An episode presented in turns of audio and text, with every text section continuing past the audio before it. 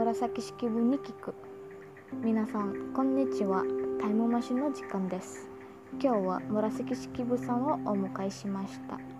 紫式部さんは世界で初めての長い小説「源氏物語」をお書きになった方です。ではお伺いします。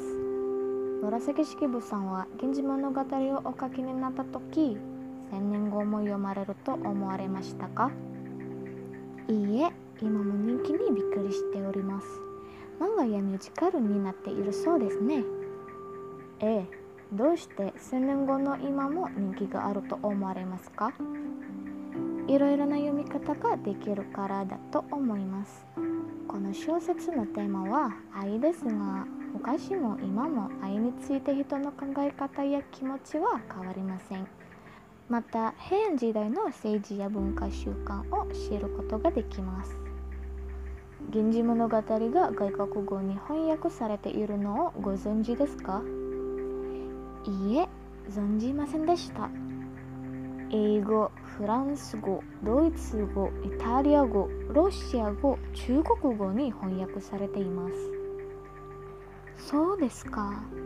でも外国語で読まれた方はできればもう一度今の日本語で読んでくださればもっといいと思います。ところで2000年に紫式部さんと「源氏物語」をデザインした2000円札が作られたのをご存知ですか？はい存じております。でも絵が小さくて私の顔がよく見えないのが残念でございます。ご家族を紹介していただけますか？私は20代の終わり頃結婚いたしました。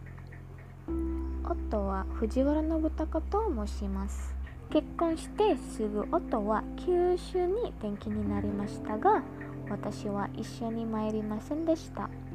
頭が良くて面白い人でしたが2年後に病気で死んでしまいました。娘が1人おります。それからどうなさいましたか？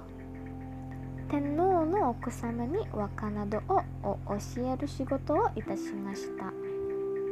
働きながら「源氏物語」を書かれたのですね。はい仕事を始める前から書いておりましたが働くようになってからも続けました。キャリアウーマンですね。